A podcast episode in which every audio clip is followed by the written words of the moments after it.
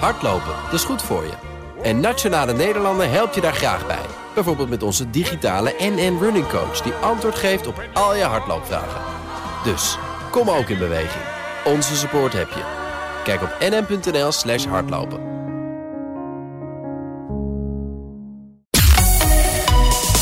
BNR Nieuwsradio. De Dutch Podcast Top 20. André Dortmund.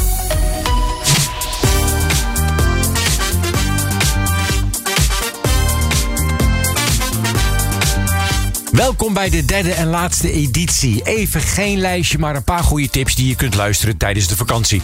Vandaag doen we verhalende podcasts en documentaires. Je hoort zo de laatste dagen van John Lennon, Brand in het Landhuis, eenmaal andermaal en we beginnen met Mathildes Mysterie. In 1977 wordt de bekende society diva Mathilde Willink dood aangetroffen in haar hemelbed. Zelfmoord is de conclusie van de politie. Maar veel vrienden van haar hebben het nooit geloofd. Oh, ik vind mezelf fantastisch. Ja? Ja, ik vind dat ik mezelf prachtig gehandhaafd heb. Dus het, uh, het, de vaderlandse leuze van ik zal handhaven... dat uh, heb ik nu al reeds bewezen. Dit is de stem van Mathilde Willink. In de jaren 60 en 70 de muze van de bekende Nederlandse schilder Karel Willink. Er was in, in haar leven eigenlijk maar één doel. En dat was Willink. En dat was ze kwijt. En dat was heel erg voor haar. Ze is een wandelend kunstwerk met opvallende make-up en dure kleding van modekoningin Fong Leng. En ze is eigenzinnig. Ze was gewoon niet te temmen als ze hysterisch was. Maar nogmaals, dan belde ze de volgende ochtend weer op en zei ze... Alles goed, Gerard? De koningin van Amsterdam wordt ze wel genoemd. Een graag geziene gast op alle society-feestjes. Vriendin van de roddelpers. Zij wist wie zij was. In dat wereldje dan, hè? Ja, ja. Maar in 1977 wordt ze naakt met een kogel door haar hoofd gevonden in haar hemelbed. Zelfmoord is de conclusie, maar veel vrienden geloven dat niet. Zij zou in volle naad gestorven zijn. Met de mooiste jas en haar haar met de mooiste staart. En nee hoor, zo, zo, zo wilde zij niet gezien worden. Nee, dat, dat was beneden haar waardigheid. Is Mathilde Willink vermoord of is het toch zelfmoord? Ik heb natuurlijk nooit geloofd dat zij zelfmoord uh, heeft gepleegd. Dat haar wereld er gek uitzag met, met, met branden en met, met mensen in een verkeerd milieu, dat was denk ik wel duidelijk. Tot op de dag van vandaag is het een mysterie. In zes afleveringen gaan Babs Assink en ik, Lammert de Bruin, 43 jaar na haar dood op zoek naar de waarheid. In Mathildes Mysterie. Ze heeft haar leven in eigen hand. Ze wordt door niemand overman. Veldje 494, oké. Okay. Ja, daar moet ze liggen. We zijn nu op veld 4, dus dan zou ze hier ergens moeten liggen. Even kijken. Oh, hier. Oh. Weiß nicht, zu wem ich gehöre. Ich bin doch zu schade für einen allein. Oh jeetje. En oh, inderdaad. Kijk nou. Zo'n rode... Ja, wat is het? Een soort marmeren grafsteen? Bruin marmeren grafsteen met een soort vaaskunstwerkje erop. En Mathilde in haar handschrift. Ja. Als een soort handtekening op de steen. Maar die steen die ligt. En daaromheen zit een hele, zit een hele grote buxushaag. Wel mooi die uh, herfstbladeren zo erop. Maar het, geen wonder dat we het niet konden vinden. Want die buxushaag die is al uh, tijden niet gesnoeid. Ik weet niet. Zo Nou, hier is onze Mathilde. Wat een gek idee, joh. Een heel gek idee, ja. Voor zo'n zo'n belangrijke plek voor een monument is het, ligt het echt heel erg verborgen. Ja, dat is wel een beetje triest. Vind ik wel. Je verwacht een soort praalgraf of zo Ja. bijna. Met engelen en hele toestanden. Maar dit is gewoon... Hollandse kan bijna niet. Maar hier begint wel onze zoektocht. BNR Nieuwsradio. Mathildes Mysterie, een verhaal over Mathilde Willink... die werd dood aangetroffen in 1977 in haar hemelbed. Wat is er precies met haar gebeurd? De volgende luistertip. De laatste dagen van John Lennon. Op 8 december 1980 wordt de ex-Beatle doodgeschoten voor zijn huis in New York. Hij is vlak daarvoor 40 geworden en bezig aan een indrukwekkende comeback. Je hoort Yoko Ono. When I was in the hospital, I was, you know, I was at the hospital, and uh, and the doctor came and said, uh, "Now you have to tell the the people because I think the radio show and press and they're all wanting to know, and you have to tell, you know, could we announce it?" I said, "Please wait." Why wait? But I felt like by announcing it, it really becomes the truth, you know? And I just wanted a little while longer for John to be around.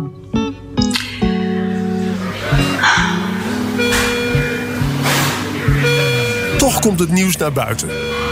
Op de eerste hulp ligt tv-producer Alan Wise. Hij is die avond van zijn motor gevallen en wacht op een behandeling. Op dat moment lopen er twee agenten langs. And I hear one officer say to the other one, Can you believe it? John Lennon. I opened up my eyes and I, and I looked up and I said, Excuse me, officer, what did you say? Wise strompelt naar een telefoon en belt zijn redactie bij tv-zender ABC. Hij krijgt de bevestiging dat er geschoten is bij het Dakota-gebouw. Wanneer hij verderop in de gang Yoko Ono hoort schreeuwen, weet hij het zeker. Er moet iets vreselijks met John Lennon aan de hand zijn. Na een gesprek met zijn behandelend arts trekt hij zijn eigen conclusie. Wise belt nog een keer met zijn redactie bij ABC en geeft het vreselijke bericht door. Daar meldt zijn collega Howard Cosell, de Mart Smeets van Amerika, het nieuws live tijdens het programma Monday Night Football. Zo hoort Amerika voor het eerst dat John Lennon is vermoord. Yes, we have to say it. Remember, this is just a football game, no matter who wins or loses. An unspeakable tragedy confirmed to us by ABC News in New York City. John Lennon, outside of his apartment building on the west side of New York City, the most famous perhaps of all of the Beatles, shot twice in the back, rushed to Roosevelt Hospital, dead on arrival. Wat gebeurt er eigenlijk met die, met die moordenaar op dat moment? Ja, die gaat een boek zitten lezen op de stoep. Hij gaat gewoon zitten lezen in het boek The Catcher in the Rye van J.D. Salinger. Ja. Bekende klassieker.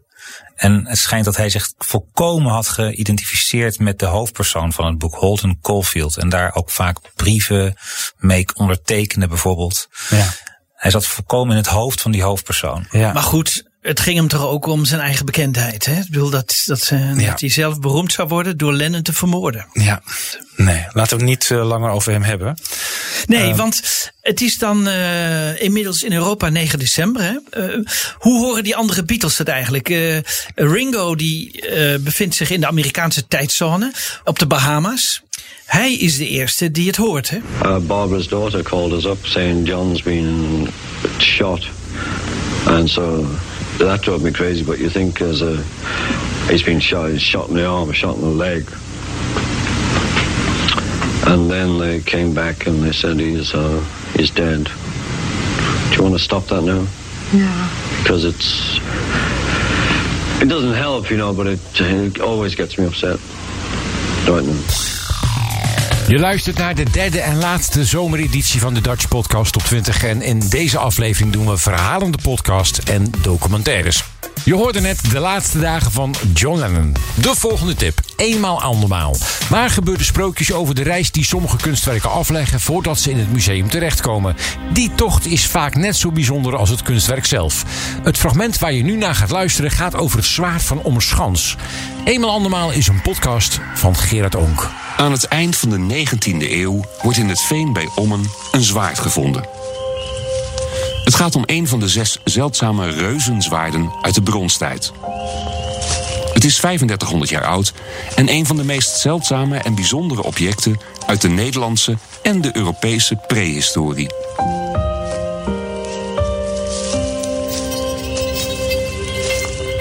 Het Rijksmuseum van Oudheden in Leiden had al bijna een eeuw een oogje op het zwaard. Toch duurt het tot 5 juli 2017 voordat het RMO het topstuk weet te bemachtigen. Plaats van handeling: Veilinghuis Christie's in Londen. Prijs: ruim een half miljoen euro. Ik ben Gerard Oonk. Dit is Eenmaal Andermaal. Met De Ontdekking van het Zwaard van Ommerschans. Een podcast van de vereniging Rembrandt, gemaakt door BNR. Over bijzondere kunstvoorwerpen en hun reis naar het museum. Laten we dit verhaal maar beginnen als een sprookje. Want dat is het. Bereid je voor op interessante plotwendingen, bijzondere hoofdrolspelers en een gelukkige afloop. Er was eens een landarbeider die Geert Remmelt heette. Hij mocht rond 1900 brem snijden en turf steken op het terrein van de Duitse industrieel Eduard Lux. Geert treft op een goede dag een groot bronzen zwaard aan in het veengebied bij Ommen. Op het zwaard ligt een hele serie gebruiksvoorwerpen, waaronder een scheermes, een priem, naalden, vuursteentjes en een stenen bijteltje. Het verhaal gaat dat de hele verzameling op een verhoging van berkenstammetjes lag. Klinkt toch echt als een sprookje, of niet? Luc Amkreutz, conservator prehistorie bij het RMO, houdt meer van wetenschappelijke feiten. Al hoor je ook bij hem verwondering. Ja, goed. Het is in 1896 opgegraven en er was geen archeoloog bij. Dus het is de vraag wat men in de tijd precies gezien heeft. Maar uh, het zou zeker kunnen dat het op een uh, plateau in zo'n moerassig gebied is achtergelaten. En dat is een van de grootste mysteries van, van deze periode. Dat dus hele bijzondere, kostbare objecten eigenlijk in dit soort gebieden eindigen, geofferd worden. Er vindt op dit moment heel veel onderzoek plaats naar die praktijk. En dan hebben we het over depositiepraktijk, met name in de metaaltijd, met name in de bronstijd. Waarbij dus uh, kostbare voorwerpen, in ieder geval nog bruikbare voorwerpen, brons kun je altijd weer omsmelten, eindigen op plekken waar je er niet meer aankomt. Je offert eigenlijk iets heel kostbaars op. Door het in een rivier te gooien of door het in een moeras te laten liggen of afzinken. En uh, dat is wel iets waar we nu veel onderzoek naar doen. Of we ooit helemaal gaan begrijpen waarom men dat deed, uh, dat, dat blijft een grote vraag. Er blijven blijkbaar vragen, terwijl we op zoek zijn naar antwoorden. Is er dan echt helemaal niets te zeggen over het nogal vreemde verschijnsel dat onze voorvaderen kostbare voorwerpen achterlieten in waterrijk gebied? BNR Nieuwsradio. De Dutch Podcast Top 20. Je hoorde net eenmaal andermaal een podcast van Gerard Oonk over kunst en welke weg het aflegt voordat het in het museum komt. Tip nummer 4 in deze speciale zomeraflevering van de Dutch Podcast Top 20. Laura H. In de zomer van 2016 wordt buiten het kalifaat van Islamitische Staat een jonge vrouw aangetroffen, rennend door de woestijn met twee kleine kinderen. Ze heet Laura, zegt ze, en ze komt uit Sweet Lake City. Ze is ontsnapt, huilt en wil naar huis. Ze wil terug naar Zoetermeer. Hoe, hoe had je verwacht uh, om. Uh, uh, hoe, hoe had je verwacht dat een ex-serieganger zou zijn? Um, um, ja, ik zoek natuurlijk naar. Want ik, voor een vrouw had ik daar eigenlijk nog niet over nagedacht. Dat is niet, niet helemaal antwoord op je vraag. Ik ga er even over nadenken, omdat ik eerlijk wil antwoorden. En wil weten wat ik daarvoor denk.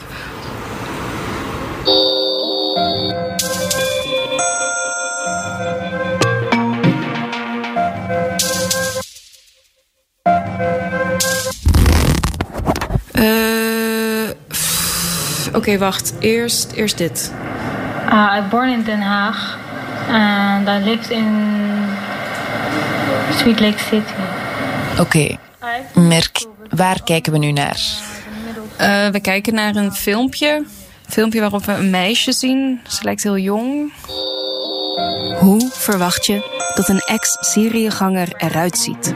Ze heeft sandalen aan. Met, heeft ze sokken daarin? Ja. Nagellak ook. Roze. Is er nagellak in het kalifaat? Een ex-Syriëganger zoals Laura. Laura H. Weet je nog?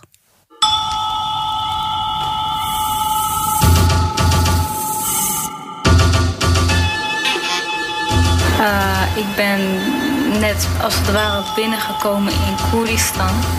En daar ben ik heel goed ontvangen. Ze zat bijna een jaar lang vast in IS-gebied. Maar vandaag blijkt dat ze heeft weten te ontsnappen. Uh, born in Den Haag. And I lived in Salt Lake City.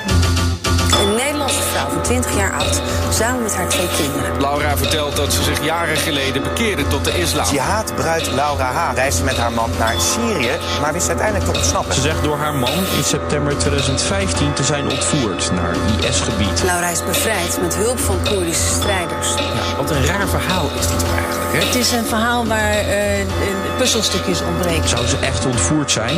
I didn't know I was going into Syria. Het is onmogelijk om het verhaal van Laura te verifiëren. De OM neemt het zekere voor het onzekere. Klinkt vrij ongeloofwaardig. Precies. Ze wordt verdacht van deelname aan een terroristische organisatie en het voorbereiden van een terroristisch misdrijf. Sindsdien zit ze vast. In heel Nederland vielen de journalisten zowat over elkaar heen om als eerste bij Laura te komen. Iedereen wilde weten wie ze nu echt was. Maar Laura zweeg. Tegen ze allemaal. Behalve... En ik zat te denken, Laura H., Laura H. Thomas Ruip. De enige die het echte verhaal hoort. En ik hoorde dat allemaal aan. En het eerste wat ik deed na dat gesprek was mijn chef bellen met de mededeling van ja, dit kan zo niet in de krant. Want als dit waar is, dan uh, is dat ten eerste heel groot nieuws. Maar dan moeten we het ook wel heel zeker weten. Want het klonk bijna te, te ongelooflijk om, uh, om waar te zijn. Dutch Podcast Top 20. André Dortmund. Laura H., een podcast over een jonge vrouw die rennend wordt aangetroffen in de woestijn met twee kinderen en ze wil terug naar huis. Terug naar Zoetermeer. De volgende luistertip in verhalende podcast en documentaires. Op 7 december 2003 komt grootgrondbezitter Ewald Margraf bij een brand in zijn landhuis in Vught om het leven. De excentrieke Brabander bezat zo'n 700 hectare land, een kunstcollectie van ruim 500 schilderijen en een vermogen van 160 miljoen in verschillende belastingparadijzen. Na zijn dood is er geen spoor meer te vinden van de schilderijen of het geld. Dit is de podcast Brand in het Landhuis. Vroeger, toen ik nog klein was, gingen we vaak naar Dini. Die woonde in de Margrafstraat in Vught. Al zei ik toen nog Margraf en Vught. Margraf met twee g's en twee f's. Het was de naam van die meneer die woonde in het kasteel waar we langskwamen als we op weg waren naar Dini in Vught. Die meneer die kwam nooit buiten. En als hij buiten kwam, dan was hij boos. Dan stak hij zo je ballek. Ze zeiden dat hij met een jachtgeweer achter je aankwam als je ongevraagd op het landgoed was. Het was ongetwijfeld een meneer om bang voor te zijn. Zijn landgoed was zo groot dat hij zonder over het land van iemand anders te hoeven lopen heel Brabant kon doorkruisen of van België naar Duitsland kon. Het schijnt dat hij ook wel eens in zijn onderbroek langs het hek wandelde. Op het landgoed stond een heel groot huis. Een klein kasteel. Veel onderhoud, zei papa dan. Dini woont met Wouter op de Margrafstraat 8 in Vught. Ik weet zeker dat ik daarom nog steeds bij het getal 8 een donker gevoel heb. 8 is een nummer met een oprijlaan, met hekken en een hoge heg. Soms maakt je hoofd zulke verbindingen. Tussen twee dingen die eigenlijk niet bij elkaar horen, alleen voor jou. Omdat jij ze zo beleefd hebt. Omdat ze alleen jou zo opgevallen zijn. Voor een ander is 8 luchtig als een taartje of gemaakt van hetzelfde soort verdriet als bij een afscheid. Voor mij heeft acht donkere bomen. Takken die al jaren niet zijn opgeruimd. En acht ruikt naar brand. Want in de vroege ochtend van 7 december 2003 brak er brand uit in het grote huis op het grote landgoed. En na die brand ontstonden er nog meer verhalen. Zo was er bij de brand al vrij snel iemand aanwezig die zei dat hij de sleutel van het pand had. De brandweer besloot toch om niet naar binnen te gaan. Meneer Margraf werd later doodgevonden, vlak achter de voordeur. Had de brandweer dit misschien expres gedaan? Ook zouden er bij de brand schilderijen zijn verdwenen. Rembrandts, Rubens, Van Dijks. Was de brand misschien wel aangestoken? En de 160 miljoen die Margraf bezat op allerlei geheime bankrekeningen? Daar werd na de brand nog geen tientje van teruggevonden. Een podcast van Simon Heijman. Brand in het landhuis. De laatste tip in deze reeks. De zesdelige podcast Bob is het verhaal van de 84 jaar oude Elisa... die sinds kort alleen nog maar kan praten over haar jeugdliefde... en het kind dat ze gedwongen heeft moeten afstaan aan een klooster. Minneke, Nele en Sione gaan op zoek naar de waarheid. Is Bob een levensgroot geheim dat ze haar hele leven met zich mee heeft gedragen... of de fantasie van een dementerende vrouw? Je hoort het in Bob, de podcast. Wij, wij hadden van Carrie gehoord over Bob. Over? Bob. Bob? Ja. Dus dat was mijn vriend. Bob. Ja. Ja? Dit is Elisa. Elisa Aarts. Je kent hem ook. Bob. Bob. Nee, eigenlijk niet. Niet? Niet persoonlijk, nee. Nee, nee, nee. Elisa praat over Bob. Elke dag. Ja, ja, ja, ja. Ze vertelt over hem met grote, verliefde ogen. Mm. Maar verder kent niemand Bob. Dus dat was mijn vriend. Ook haar drie dochters niet.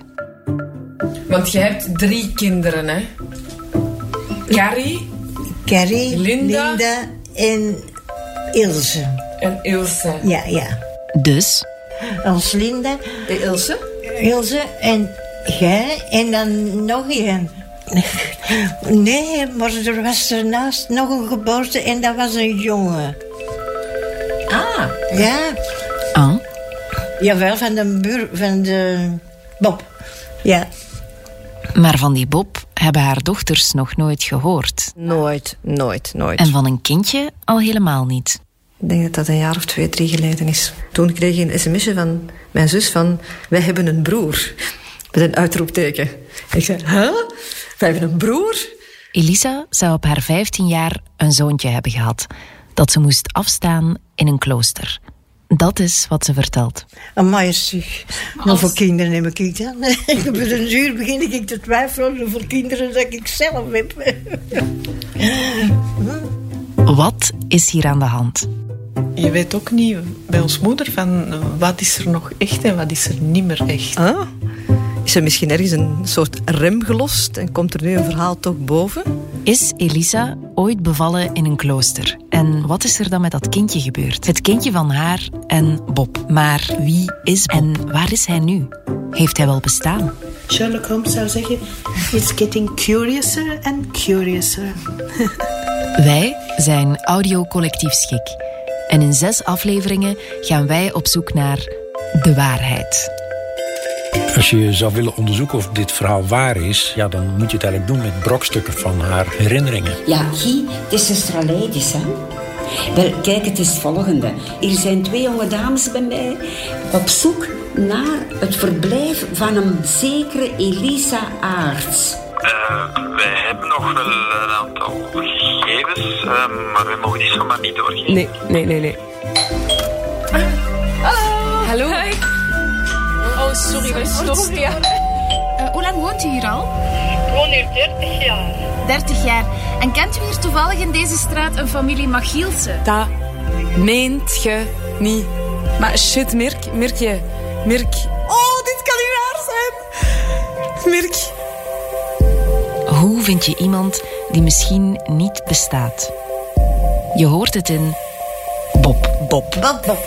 Bob. De podcast Bob. Dan Bob.